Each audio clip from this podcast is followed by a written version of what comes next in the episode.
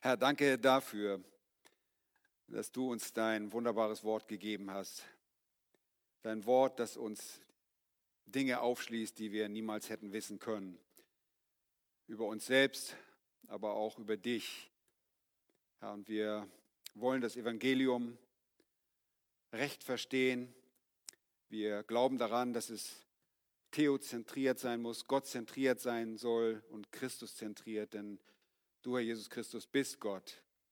Und wir danken dir, dass wir dein Evangelium untersuchen dürfen. Wir beten dafür, dass auch die vierteilige Serie am Mittwochabend ein Segen sein wird. Aber jetzt beten wir auch, dass du dich erbarmst, dass wir verstehen und dass wir in uns sehen, dass wir erkennen, wie wir es meinen und dass du einfach aus dem, was du getan hast, uns lehrst, damit du uns stärkst und du geehrt wirst. Das beten wir um deines Namens willen. Hilf uns beim Hören und beim Reden.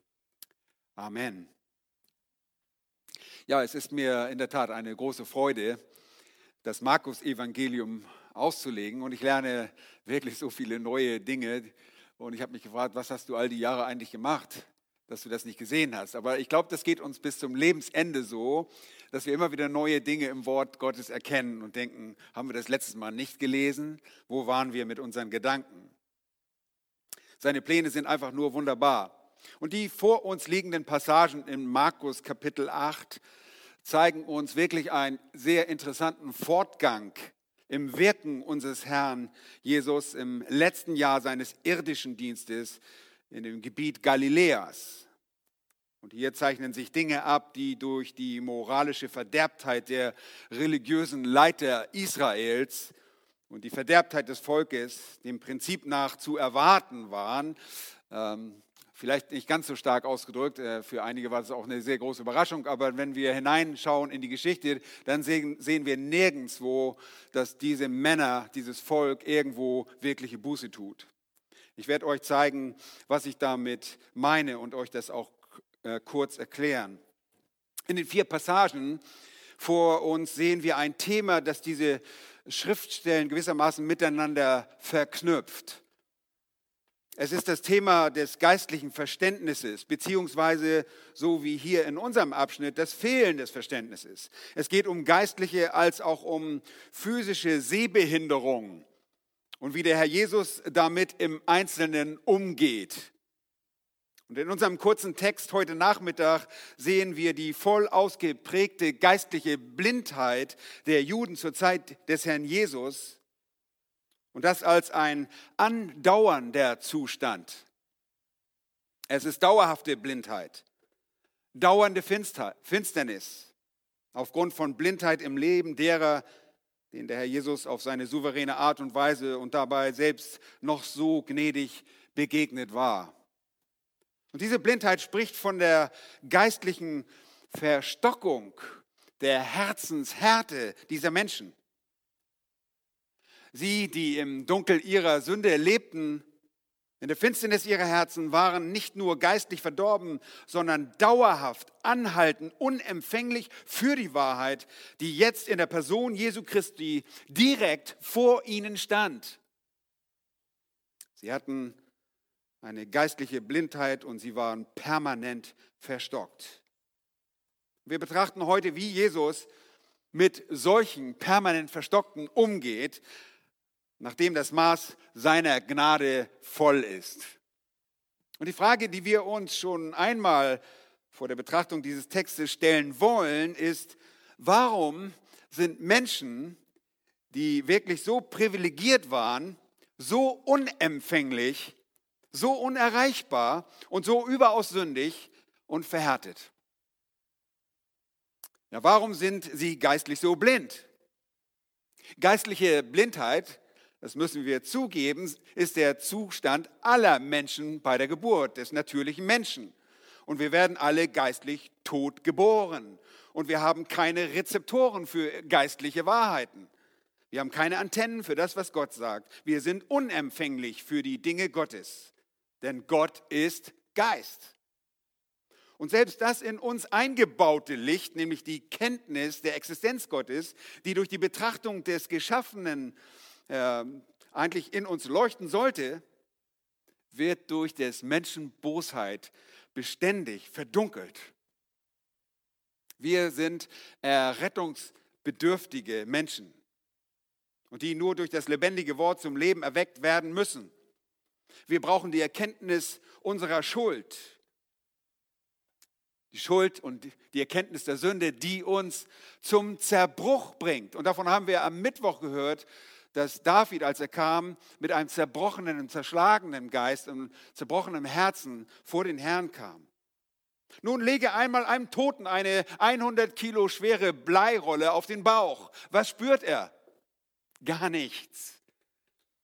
Und so war es bei den Pharisäern. Sie spürten nicht die Last der Sünde, mit der sie wirklich umgeben waren. Ein Toter spürt nichts. Nur der Herr kann zum Leben erwecken und das tut er durch sein Wort.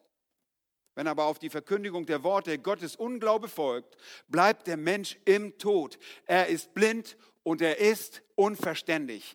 Er versteht nichts von dem, was Gott sagt. Aber warum bleiben Menschen, die wirklich so privilegiert waren, so unempfänglich, so unerreichbar und so überaus sündig, verhärtet wie die Israeliten? Warum sind sie geistlich so blind?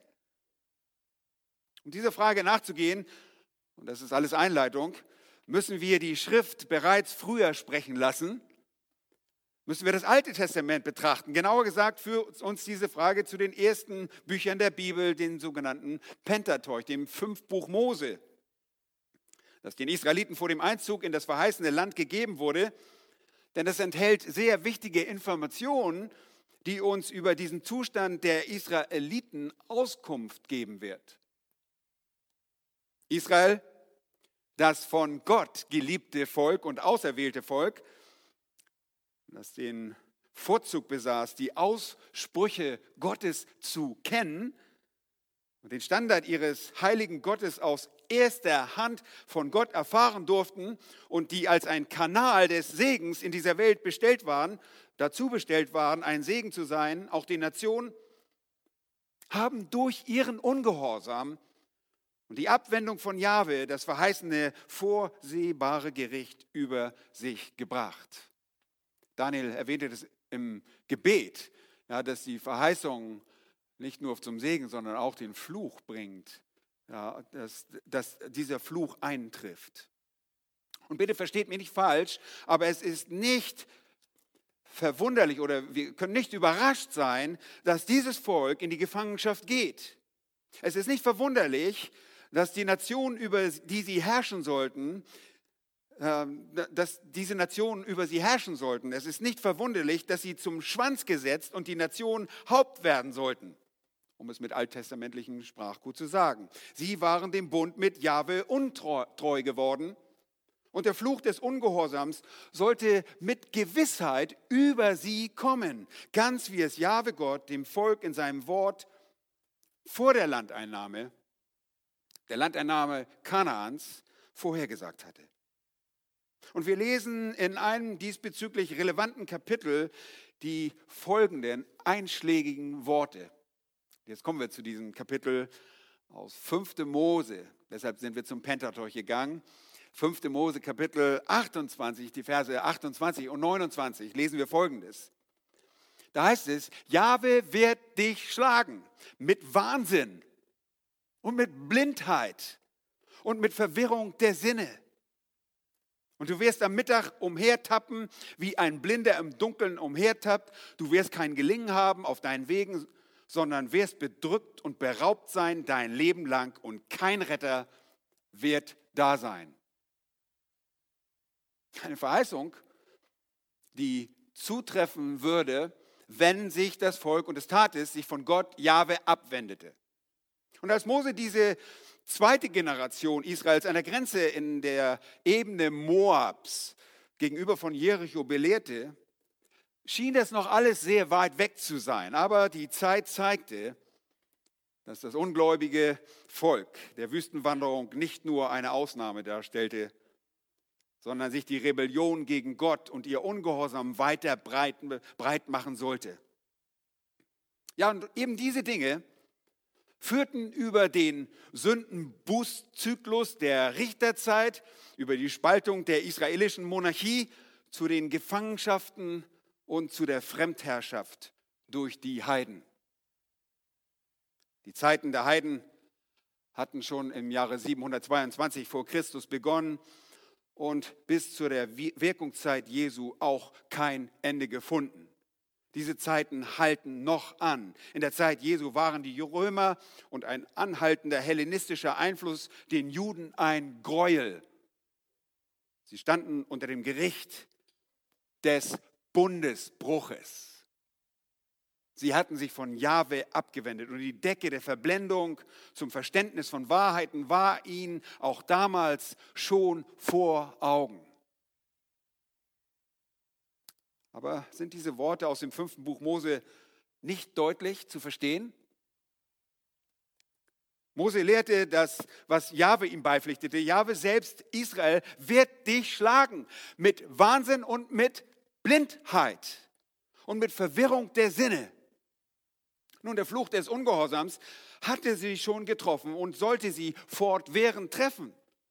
Eine Wende vom Flug zum Segen würde erst dann erfolgen, wenn dieses Volk sich Gott erneut unterwerfen sollte, durch Buße. Ihr Lieben, diese Unterwerfung hat bis zum heutigen Tag nicht stattgefunden, nicht umfassend stattgefunden. Ihr Lieben, diese Unterwerfung muss noch stattfinden.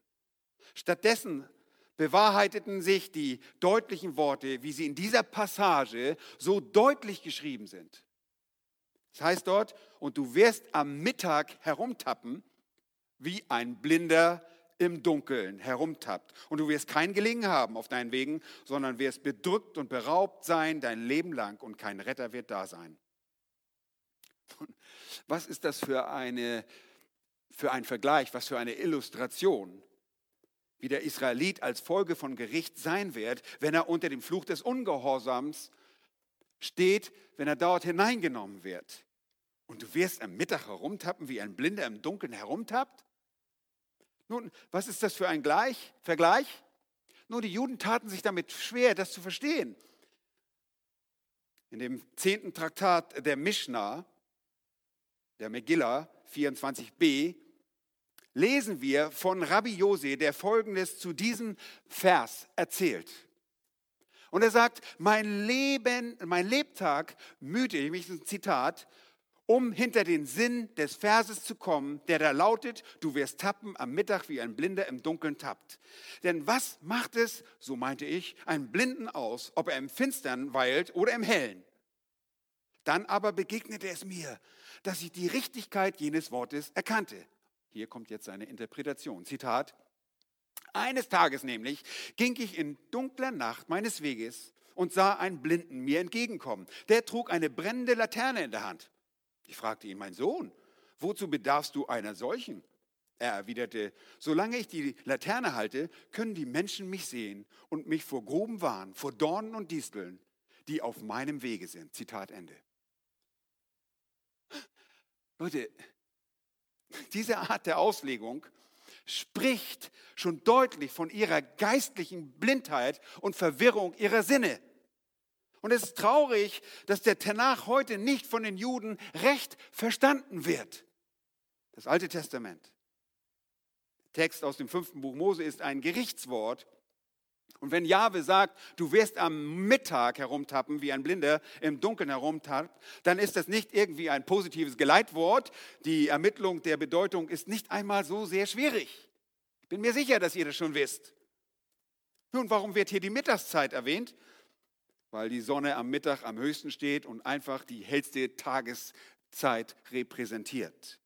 Und wenn man in der prallen und hellen Sonne herumtappt, wie ein Blinder im Dunkeln, dann ist es wirklich sehr besorgniserregend. Diese Person, dieses Volk ist ohne Orientierung. Und so geschah es mit dem Volk. Blindheit ist das Zeichen des Gerichts und spricht von der geistlichen Unempfänglichkeit, der Verwirrung ihrer Sinne.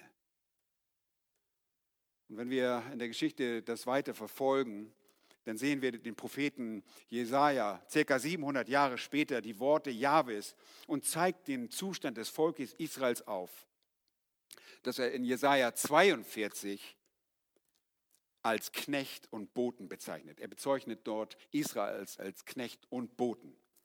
Ich lese dort Jesaja 42, hört euch das gut an. Dort ab Vers 18. Jesaja 42 ab Vers 18. Hört ihr Tauben Hört ihr Tauben? Wie können Tauben, die, die, die rumfliegen? Nein, die, die Gehörlosen sind damit gemeint. Ihr Blinden, schaut her. Die Blinden, schaut her. Da sollte ihr schon mal den Empfänger wachrütteln, um zu sehen. Schaut her, um zu sehen. Wer ist blind, wenn nicht mein Knecht? Das ist Israel. Oder so taub wie mein Bote, Israel, den ich sende. Wer ist so blind wie der Vertraute und so blind wie der Knecht Jahwes? Das ist Israel. Du hast viel gesehen und es doch nicht beachtet. Die Ohren hat er aufgetan und doch nicht gehört. Israel hatte alles gehört und hatte alles gesehen und doch nicht gehört und doch nicht verstanden. Und es gefiel Jahwe um seiner Gerechtigkeit willen, das Gesetz groß und herrlich zu machen. Sie waren mit diesen Aussprüchen Jahwes vertraut gemacht. Sie waren die Empfänger des Gesetzes. Und doch heißt es dort, Vers 22, es ist ein beraubtes, und ein ausgeplündertes Volk. Sie sind alle in Löchern gefangen und Gefängnissen versteckt. Sie wurden zum Raub und niemand rettet. Sie wurden zur Beute. Niemand rettet, weil kein Retter da war. Haben wir im fünften Buch Mose gelesen gerade. Sie wurden zur Beute und niemand sagt, gib sie wieder heraus, weil kein Retter da ist. Wer ist aber unter euch, der auf dieses hört, der Acht gibt und es künftig beachtet? Rhetorische Frage. Da ist niemand. Wer übergab Jakob zum Raub und Israel den Plünderern? Frage. Die Antwort kommt von Jahwe selbst. Ist es nicht Jahwe, gegen den wir gesündigt haben, sagt Jesaja? Und sie wollten nicht auf seinen Wegen wandeln. Und seinem Gesetz waren sie nicht gehorsam. Darum hat er, Jahwe, über ihn, Israel, die Glut seines Zorns ausgegossen und die Gewalt des Krieges und seine Zornglut hat ihn, Israel, überall angezündet. Aber er, Israel, ist nicht zur Erkenntnis gekommen und sie, die Zornglut, hat ihn, Israel, in Brand gesetzt. Aber er, Israel, nimmt es nicht zu Herzen. Ihr Lieben, sie waren einfach nur blind. Und dieses Volk hat eine Geschichte geistlicher Privilegien erlebt, die sie verwirkten und Blindheit und Verstockung und schreckliche Geschehnisse sind die Folge, weil kein Retter da ist. Und als Jesus der Retter nun erscheint, sind sie immer noch blind und sie sind verstockt. Und wir wollen uns in diesem Zusammenhang den den Zusammenprall der dauerhaft Blinden mit dem Licht der Person Jesu einmal genau ansehen. Er, der Herr, der das Licht der Welt ist, er war gekommen und jetzt kommt es zu einem Zusammenprall. Wir lesen jetzt dort ab Vers 10. Das ist das Kapitel 8. Markus Kapitel 8, Vers 10. Es sind nur vier Verse heute, die wir auslegen. Keine Angst, wenn die Einleitung etwas länger war, aber äh, ab Vers 10. Da heißt es so, gleich stieg er mit seinen Jüngern in das Schiff und kam in die Gegend von Dalmanuta. Das hat nichts mit Hanuta zu tun, das ist einfach eine, eine Ortschaft. Äh, sie kommen dort an das äh, Westufer, des Nordwestufer des See Genezareth. Vorher waren sie in der Dekapolis. Wir haben gerade die Speisung der 4000 hinter uns und sie setzen über an die Westseite des Sees. Und äh, Dalmanuta konnte man bisher nie finden, weder in der profanen Geschichte noch in der Bibel. Irgendwo konnte man diesen Namen finden. Äh, Matthäus gibt uns eine Hilfe. Matthäus sagt, das ist das Gebiet von Magdala. Magdala, die Stadt der Maria Magdalena am Westufer des See Genezareth. Und dort fand man vor einigen Jahren, als es einen extremen Tiefstand, Wassertiefstand gab, ein paar Ankerplätze und auch eine Hafenstadt. Und man nimmt an, dass das möglicherweise Dalmanuta gewesen sein könnte. Dieser Ort wird also zwischen Magdala im Nordwesten des Sees und Kapernaum vermutet. Und es ist wirklich Matthäus, der das sagt, dass es in dieser Gegend war, in der Parallelstelle. Aber lasst uns jetzt sehen, was hier geschieht. Und ich habe meine Predigt betitelt, die dauerhafte Blindheit Jesu Maß ist voll. Das Erste, was wir uns ansehen wollen, ist die Merkmale der dauerhaft blinden Führer. Das erste Merkmal dort in Vers 11 ist, sie suchen Streit. Sie suchen Streit. Blinde, geistlich Blinde suchen Streit. Und die Pharisäer gingen hinaus und fingen an, mit ihm zu streiten. Sie initiieren eine Begegnung mit Jesus und was ist diese, das äh, Resultat? Sie streiten. Das war ein Streit der Worte, ein Streit, der sich aus ihren Finsternisherzen entwickelte. Sie begannen fordernd und argumentativ zu reden. Offensichtlich erkannten sie nicht Jesus als den, der er wirklich ist, nämlich als Sohn Gottes. Sie wussten sehr wohl, dass Jesus da war. Sie waren aber uneinsichtig. Sie waren blind, ganz wie es der Prophet Jesaja speziell von den Hirten Israels auch zur damaligen Zeit in seiner Generation sagte. Dort lesen wir in Jesaja 56, Verse 10 bis 12, was auch jetzt auf die Leiter, die Pharisäer, die religiöse Elite sozusagen des Landes zutrifft. Da heißt es in Jesaja 56, den Versen 10 bis 12, seine Wächter sind blind. Sie wissen alle nichts. Stumme Hunde sind die, sie, die nicht bellen können. Sie liegen träumend da, schlafen gern. Doch sie sind auch gierige Hunde, die nicht wissen, wann sie genug haben. Und sie, die Hirten, verstehen nicht aufzupassen. Sie alle wenden sich auf ihren eigenen Weg. Jeder sieht auf seinen Gewinn, ohne Ausnahme. Sie sagen, kommt her, sagen sie, ich will Wein holen, lasst uns Rauschtrank saufen. Und morgen soll es gehen wie heute, ja, noch viel großartiger. Nun, das sind sehr interessante und treffende Aussagen, die schon damals die Leiter Israels charakterisierte. Und hier waren auch die Sadduzäer dabei. Das erfahren wir wieder aus dem Matthäusevangelium. Das ist das erste Mal, dass wir hier auch die Sadduzäer im Markus-Evangelium, äh, beziehungsweise wir sehen sie hier nicht, aber äh, wir, wir nehmen wahr, dass sie jetzt auch in Galiläa sind. Aber jetzt traf genau das auf was Jesaja von diesen Leuten sagte, auf die Pharisäer und auf die Sadduzäer zu. Sie waren die wirklichen Hunde. Und wir haben schon von äh, den Hunden gehört und mit ihnen zu tun gehabt, den aus den Heiden, den Nationen. Aber unsere Erfahrung mit den Heiden war nicht so negativ wie mit diesen gierigen Hunden. Sie waren tatsächlich auf das Geld aus. Und als Jesus einmal lehrte und sagte, kein Sklave kann zwei Herren dienen, denn entweder wird er einen hassen und den anderen lieben, oder er wird dem einen anhängen und den anderen verachten. Und dann sagte er noch, ihr könnt nicht Gott dienen und dem Mammon. Da waren die Pharisäer nicht sehr glücklich. Lukas fügt hinzu, das alles aber hörten die Pharisäer, die geldgierig waren, und sie verspotteten ihn. Sie waren gierig und konnten wie einst die Leiter Israels zu Jesajas Zeiten nie genug bekommen. Und so war es auch hier. Ihr Neid war immer präsent. Sie waren Heuchler. Sie sagten wohl Dinge, taten sie aber nicht. Nun, Sie sind es nun, die diesen Streit in einem Wortgefecht suchen. Wie sieht dieser Streit aber aus? Lass uns den zweiten Punkt anschauen. Was sind die Kennzeichen? Sie stellen Forderungen. Sie streiten nicht nur, sondern sie stellen Forderungen. Das ist der Streit indem sie nämlich, heißt es dort weiter, ein Zeichen von Himmel forderten, um ihn zu versuchen. Nun, hier sind die geistlichen Leiter des Landes und sie waren geistlich blind, verfinstert im Verstand. Und das wird nun noch dadurch bestätigt, dass sie trotz vieler erlebter Zeichen ein zusätzliches forderten. Also noch eins. Sie hatten bereits zuvor ein Zeichen gefordert aber sie tun es jetzt erneut und werden es später in Judäa auch noch mal ein drittes Mal tun, um Jesus zu versuchen. Das ist der Zweck. Im Sinne von Jesus zu verleiten. Die versuchen ihn. Perasmos ist hier das Wort und das ist zum Bösen hin verleiten, damit sie ihn überführen könnten. Aber das wissen wir, das geht nicht bei Jesus. Und ich werde es einfach noch mal ganz langsam erklären.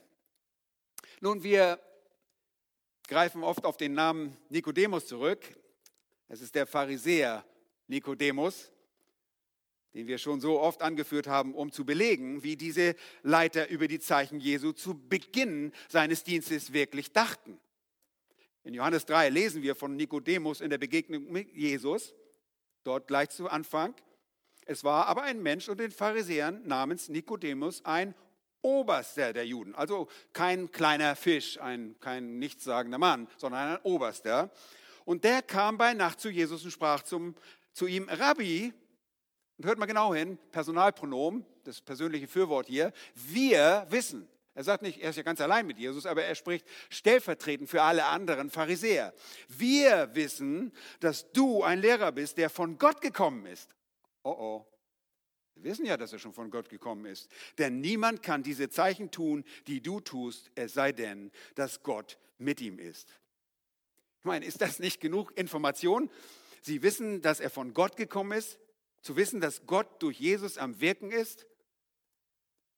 Aber was sie jetzt wirklich wollten, war ein alles entscheidendes Zeichen vom Himmel, so der Text. Und das ist für sie in diesem Fall eine Umschreibung dafür und bedeutet, wir wollen ein Zeichen von Gott. Ja, vom Himmel, das, da, wer, wer ist im Himmel? Da ist Gott. Wir wollen ein unmissverständliches Zeichen von Gott und nicht irgend so ein irdisches Wunder. Wir, kennen er nicht, wir erkennen nicht an, was du da getan hast. Deinen irdischen Hokuspokus, deine Magie, der irdischen Wunder haben wir schon zu Genüge gesehen. So denken sie jetzt. Und das kam nicht durch deine Kraft, sagen sie, das kam durch den Beelzebul. Erinnert ihr euch daran? Sie schreiben diese Dinge dem Satan, dem Obersten der Dämonen zu. Das haben wir bereits in Kapitel 3, Vers 32 oder 22 gelesen. Da sagten die Schriftgelehrten, wir wissen, dass die Pharisäer auch dabei waren, weil Matthäus das sagt, aber die Schriftgelehrten Pharisäer, die von Jerusalem herabgekommen waren, sprachen, er hat den Beelzebul und durch den Obersten der Dämonen treibt er die Dämonen aus. Für sie waren also diese irdischen Zeichen, diese irdischen Wunder, die Jesus tat, äh, Zeichen, die auf der horizontalen sich abspielten, keine Zeichen Gottes. Stattdessen waren diese religiösen Leiter einem Irrglauben verfallen, dass diese Dinge nicht von Gott kommt, äh, gewesen sein können, dass sie nicht von Gott gekommen sein könnten, wenn sie nur hier so auf dieser Erde geschahen.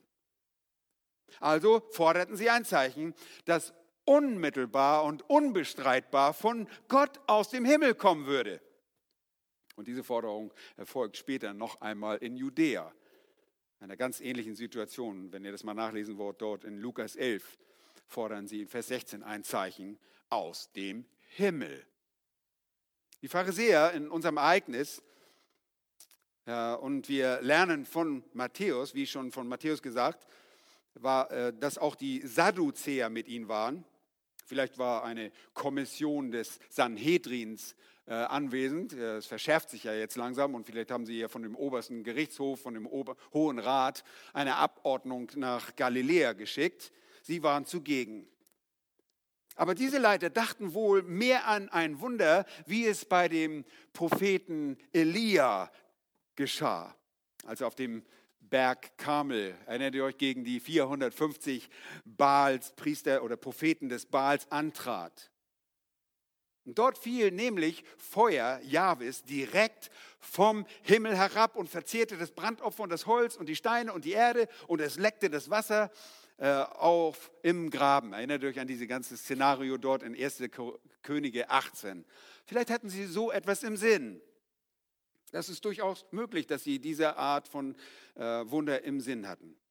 Nun, wenn sie ein solches Wunder gedacht hätten, dann hätte ich an ihrer Stelle große Furcht dass Jahwe mich töten würde, so wie er es mit Nadab und Abihu getan hatte in 3. Mose 10, Vers 2, als dort Feuer von Jahwe aus dem Himmel kam und die beiden verzehrte, sodass sie starben vor Jahwe, weil sie waren Heuchler.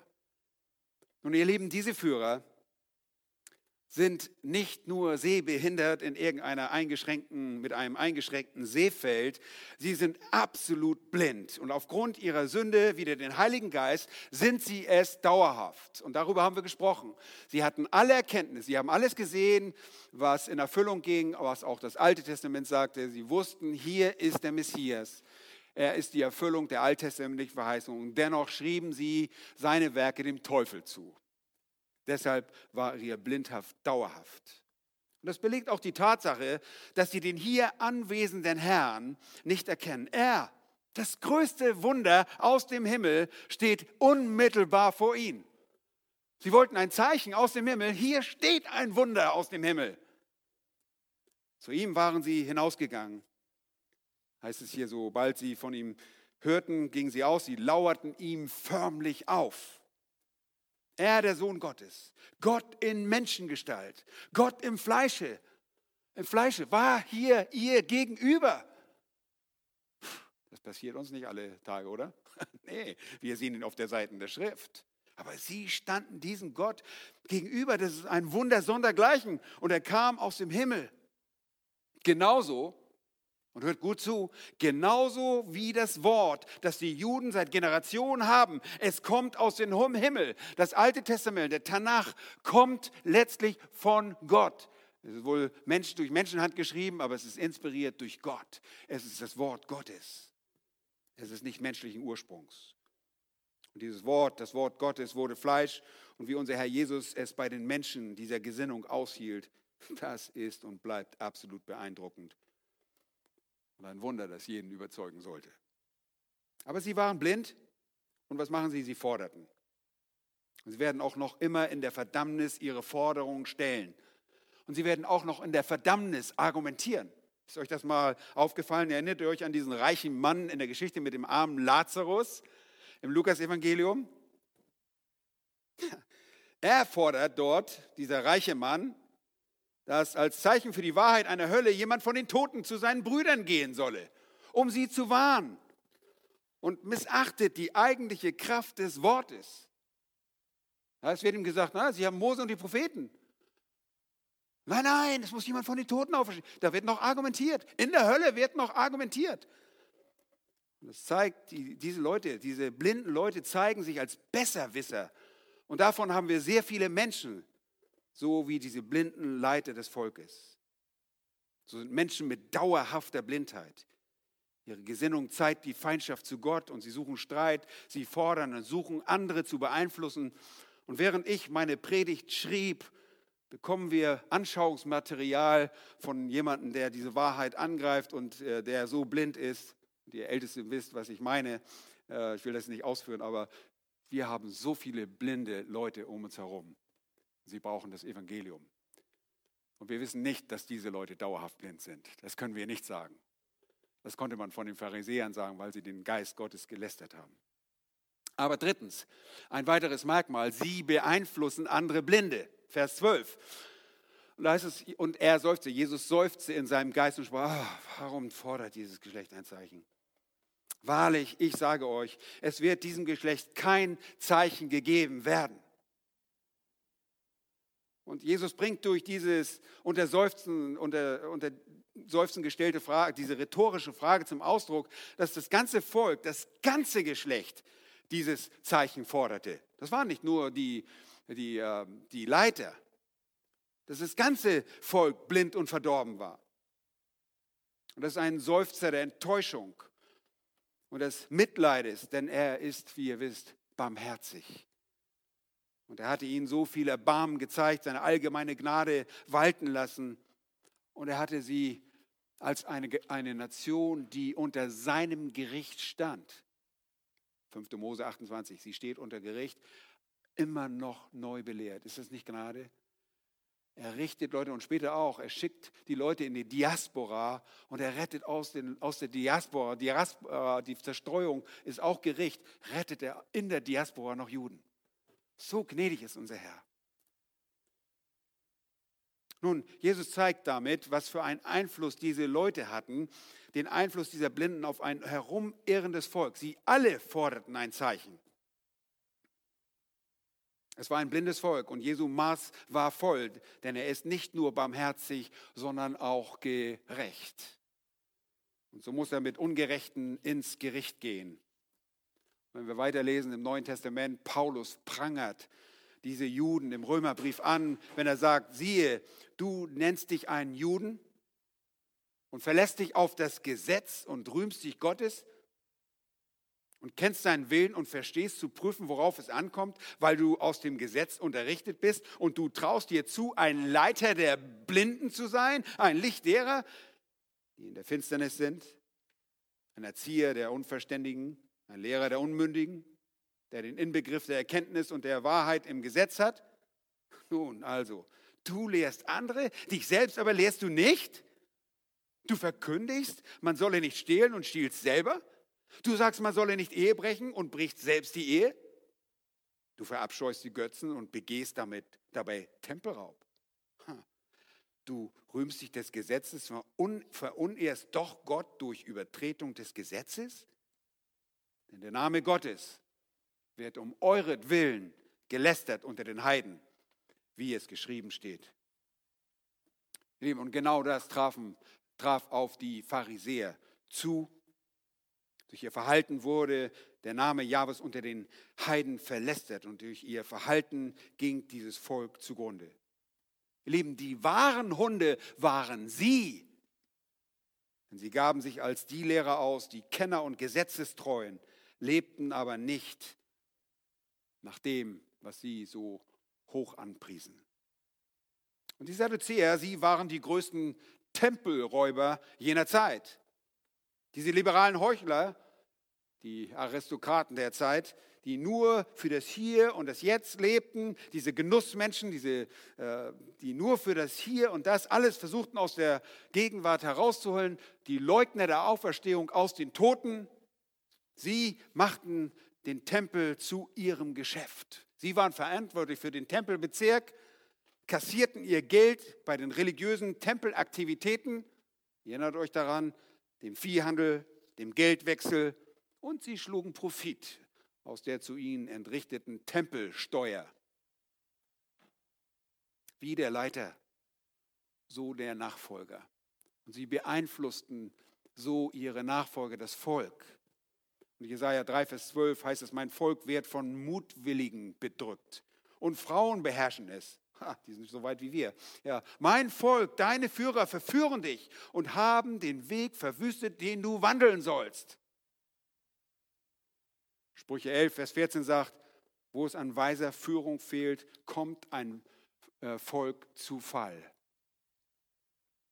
Sie waren es. Sie trieben Mutwillen, sie verführten das Volk und das Volk kam aufgrund mangelnder Führung zu Fall. Blinde Leiter, blindes Volk. Und so sagt Jesus mit einer Bekräftigung, und das kommt einem hebräischen Schwur gleich, wahrlich, ich sage euch, das ist gewiss, wahrlich. Es wird diesem Geschlecht kein Zeichen gegeben werden. Er verbirgt sich gewissermaßen dafür. Er sagt, das Zeichen wird es nicht geben. Und diese Ausdrucksweise spricht von dem in einer Generation lebenden Israeliten, dem Volk zur Zeit Jesu. Sie fordern ein Zeichen und das, obwohl sie viele eindeutige Zeichen gesehen hatten, und gnädigerweise miterleben durften. Wir haben auch viele Beispiele, zum Beispiel Johannes 2, dass Zeichen keinen wahren Glauben bewirkten. Jesus wollte sich diesen Leuten nicht anvertrauen, weil viele glaubten nur aufgrund der Zeichen. Aber Jesus vertraute sich ihnen nicht an, heißt es dort in Johannes 2. Aber die Zeichen, die Jesus gab, sollten ausreichen, um ihnen zu zeigen und zur Bestätigung, dass Jesus der Christus war. Und er war so gnädig mit ihnen. Und kommt zu dem unter seinem Gericht stehenden Volk und erweist sich als der Messias, als lebendiger Gott in menschlicher Gestalt, voller Gnade und Wahrheit. Aber das Maß der gewährenden Gnade ist voll für diese Leiter. Viele vom Volk waren in einer ähnlichen Situation.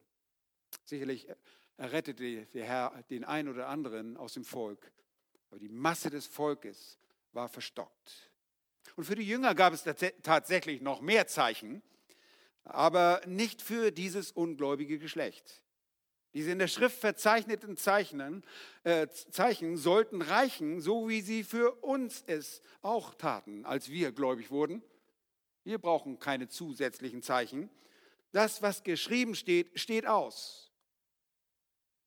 Aber das Wort reichte den Pharisäern, im Alt, das Alte Testament rechnete ihnen nie aus. Sie hatten ihre eigene Tradition, die sie über das Wort stellten und das Menschenwort hinzufügten.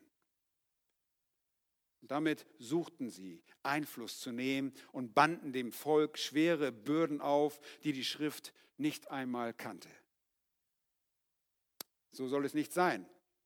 Nun achtet mal darauf, was der Apostel Johannes schreibt zum Ende seines Evangeliums, Kapitel 20, die Verse 20, 30 und 31 heißt es, noch viele andere Zeichen tat Jesus nun vor seinen Jüngern,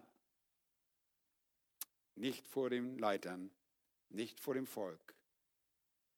Und dann sagt er, die in diesem Buch, damit meint er das Johannesevangelium, geschrieben sind. Diese aber sind geschrieben, damit ihr glaubt, dass Jesus der Christus ist, der Sohn Gottes, und damit ihr durch den Glauben Leben habt in seinem Namen. Leben für uns reicht die Schrift aus. Und das, was geschrieben steht, reicht aus.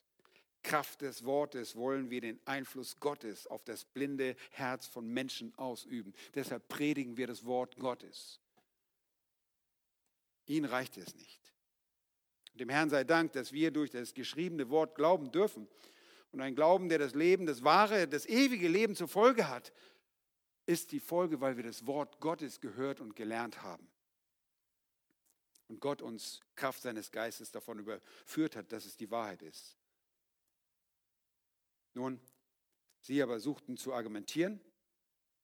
Und das werden sie, wie ich schon sagte, bis in den Tod hinein.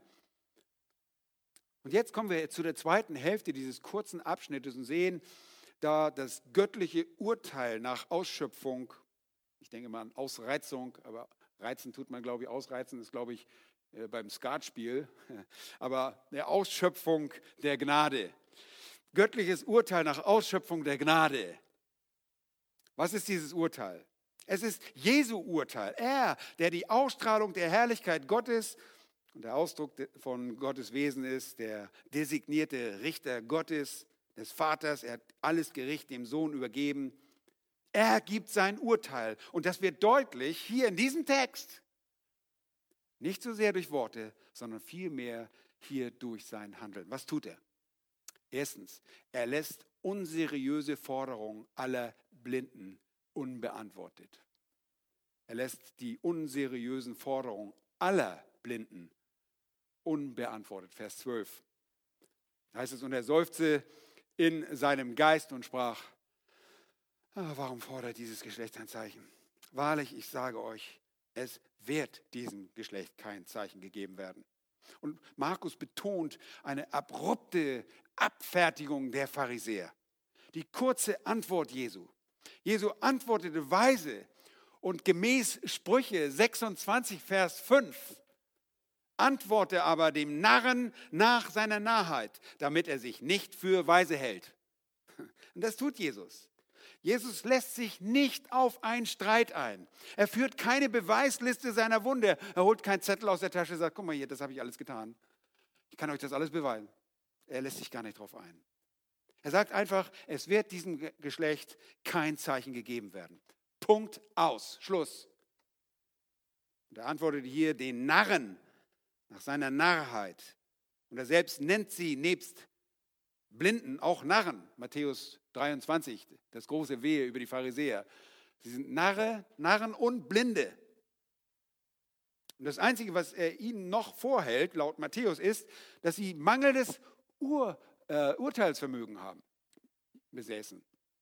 Da heißt es in, im Matthäus-Evangelium, in der Parallelstelle, dort sagt er, am Abend sagt ihr, es wird schön, denn der Himmel ist rot. Und am Morgen, heute kommt ein Ungewitter, denn der Himmel ist rot und trübe. Ihr Heuchler, das Aussehen des Himmels, das versteht ihr zu beurteilen, die Zeichen der Zeit aber nicht. Ein böses und ehebrecherisches Geschlecht begehrt ein Zeichen, aber es wird ihm kein Zeichen gegeben als nur das Zeichen des Propheten Jona. Das sind die Worte, die Matthäus wiedergibt. Und sie konnten eine gute Wetterprognose machen und sie beurteilten dafür den Himmel. Roter Himmel, oh, es wird morgen schönes Wetter geben. Oder morgens guckten sie rote äh, Morgendämmerung und äh, ein bisschen trübe. Hm, gut, alles gut. Wir können die Zeichen dieses Wetter, äh, wir können Wetterprognosen abgeben, aber sie konnten nicht die Zeichen der Zeit interpretieren. Das Auftreten des Messias, seine Wunder konnten sie nicht einordnen, weil sie blinde Heuchler waren. Und das Zeichen, das der Herr Jesus ihnen geben sollte, das war er selbst in seiner Auferstehung. Das ist das Zeichen des Jonas. Ich habe mich auch früher oft gefragt, was ist das Zeichen des Jonas? Was ist denn Zeichen des Jonas? Sie konnten damit nichts anfangen. Und das war eines der ersten Rätsel, das Jesus den Schriftgelehrten und Pharisäern schon nach ihrer ersten Lästerung gegen den Heiligen Geist in Kapitel 3 gegeben hatte. Woher weiß ich das? Das steht nicht im Markus-Evangelium. Wir fragen unseren Freund Matthäus. Matthäus ergibt uns wieder die Ergänzung. Genau das folgte. Dort steht, da antworteten etliche Schriftgelehrten und Pharisäer und sprachen, Meister, wir wollen von dir ein Zeichen sehen. Das war die erste Forderung. Hier ist die zweite Forderung und künftig in Judäa werden sie ihn nochmal fordern, ein Zeichen zu geben. Und auch dort sagt er, es wird ihm kein Zeichen gegeben werden, als nur das Zeichen des Propheten Jona. Und dann erklärt er das im Markus-Evangelium. Denn gleich wie Jona drei Tage und drei Nächte im Bauch des Riesenfisches war, so wird der Sohn des Menschen drei Tage und drei Nächte im Schoß der Erde sein.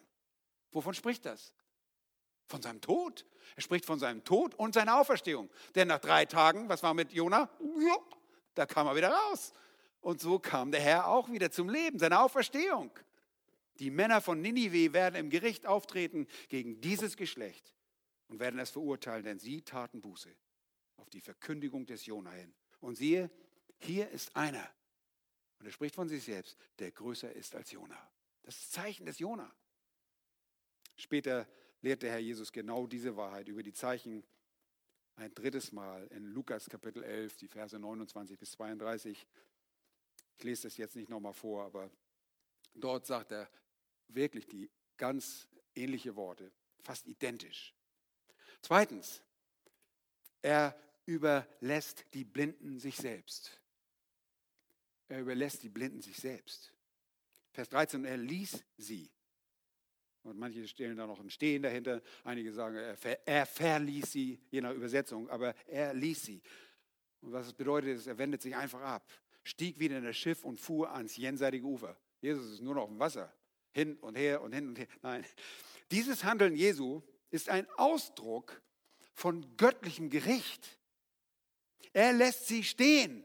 Er lässt sie, er verlässt sie. Und er war mit ihnen fertig.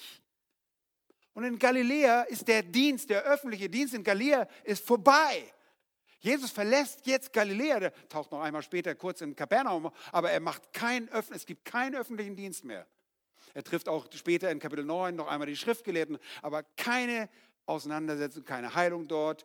Wir sehen, wie er jetzt nach, äh, aufs gegenseitige Ufer nach Bethsaida geht. Der Dienst ist vorbei.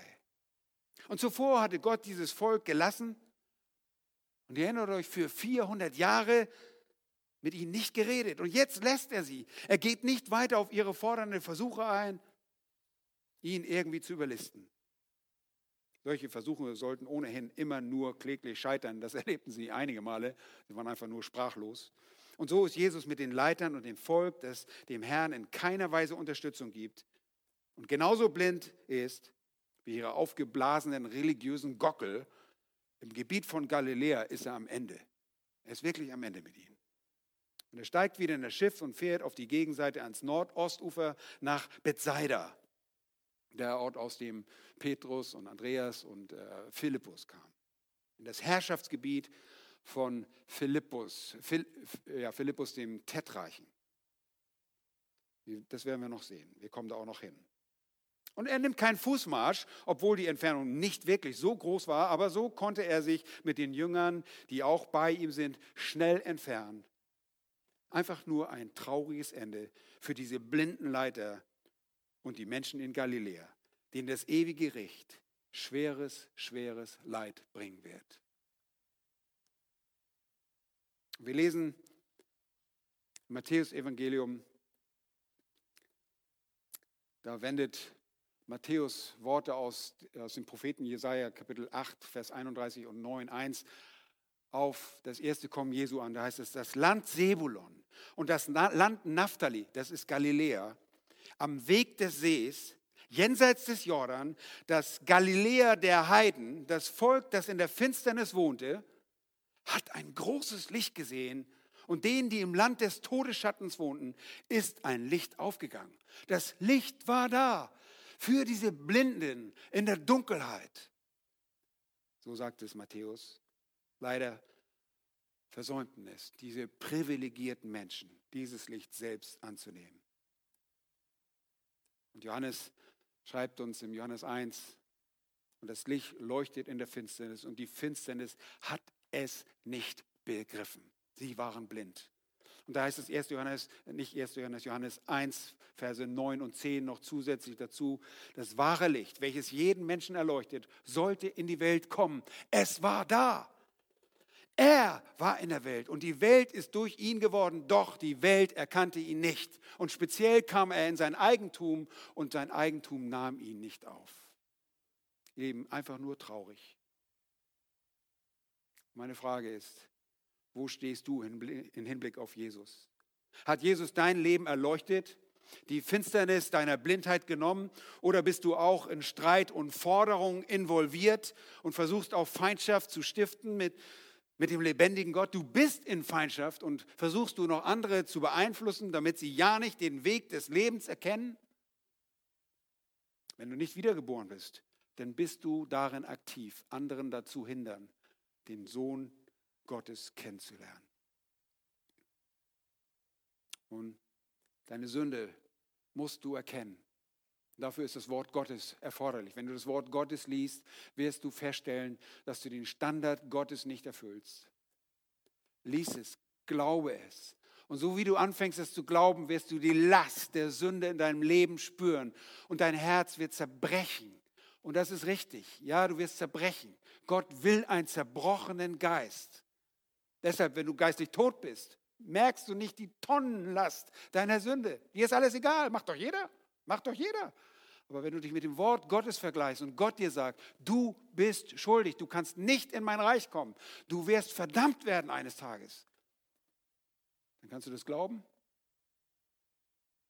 und ihm vertrauen und dich ihm unterordnen und er wird dein Retter sein. Er wird dich retten aus der Strafe, die aus dieser Sünde folgt. Denn der Sünde Lohn ist der Tod, der ewige Tod, die ewige Trennung. Der Einzige, der diesen Strafe tragen kann für dich, der den Preis für dich bezahlen kann, statt dass du in die ewige Verdammnis gehst, ist Jesus Christus, der am Kreuz auf Golgatha bezahlt hat, für alle, die glauben werden. Das ist kein Automatismus. Ja, das geht nicht nur darum, einfach die Hand zu melden und sagen, ja, ja, ich, ich glaube auch, ich will gerettet werden, sondern hier geht es eine Herzensausrichtung auf das, was Jesus sagt, eine Unterwerfung in seinen Willen, ihm zu glauben, ihm zu sagen, ich will dir folgen. Und dann wird er dich reinigen von aller Sünde und er wird deine Blindheit, dein Unverständnis für das Wort Gottes, das allen Ungläubigen zuteil ist, denn das Wort vom Kreuz ist denen eine Torheit, die verloren ist. Uns aber, die wir glauben, ist es eine Kraft, die Kraft zur Errettung von Menschen. Das Evangelium ist das Evangelium einer großen Kraft, der Kraft Gottes zur Errettung. Und ich fordere dich einfach auf, tu Buße, beuge dich vor Jesus. Und das ist ernst. Das ist, eine ernste, das ist die ernste Entscheidung überhaupt in deinem ganzen Leben. Glaube ihm und folge ihm, wie die Schrift es von dir erwartet. Und ich weiß, dass wir nicht alle Elemente hier ganz ausführen können. Wir wollten einen Text ausführen und wenn ihr länger zuhört, dann werdet ihr auch das Evangelium erfahren mit allen Komponenten. Aber dafür werden wir auch die vierteilige Serie haben, um das nochmal zu betonen, was dafür wichtig ist. Aber folge Jesus. Wenn du das nicht alles verstanden hast, dann greif zum Telefon Ruf jemanden an, den du kennst, der das weiß. Ruf uns als Gemeinde an. Sprich uns an, wo immer du bist. Wir sind gerne bereit, mit euch zu sprechen. Und ich werde jetzt auch für dich beten. Lass uns beten. Herr, wir danken dir, oh, dass uns noch immer Gnadenzeit geschenkt ist. Dass es uns nicht so gehen muss wie den Pharisäern, die verstockt waren, die in der Erkenntnis deiner Person waren, die alles gesehen hatten, was man sehen konnte und erfahren konnten, weil du dich ihnen direkt gezeigt hast und ihnen das vorgelebt hast, wer du bist. Und sie lästerten und sie haben sich abgewandt und haben dich sogar gekreuzigt. Du bist durch diese religiöse Elite, ans Kreuz genagelt worden. Herr, Hilf du all denen, die noch in der Blindheit sind, die merken, dass es dort Licht gibt, dass, dass es einen Retter gibt, der sich ausstreckt. Und das Evangelium ist die gute Nachricht, dass jeder Sünder gerettet sein kann, dass es keine Sünde gibt, die zu schlimm wäre. Du bist für den abscheulichsten Sünder gestorben. Herr, schenke du Glauben. Erbarme dich. Rette Menschen um uns herum. Und wir, die wir dich kennen, danken dir für die fortlaufende Möglichkeit, zu dir zu kommen. Und selbst wenn wir Fehltritte von Fehltritten übereilt sind, dürfen wir im Zerbruch über unsere Sünde zu dir kommen und du bist treu und gerecht, dass du uns reinigst und uns reinigst von jeder Ungerechtigkeit. Danke, Herr Jesus, dass du unser Fürsprecher geworden bist beim Vater. Wir loben dich und danken dir einfach für deine große Güte. In Jesu Namen. Amen.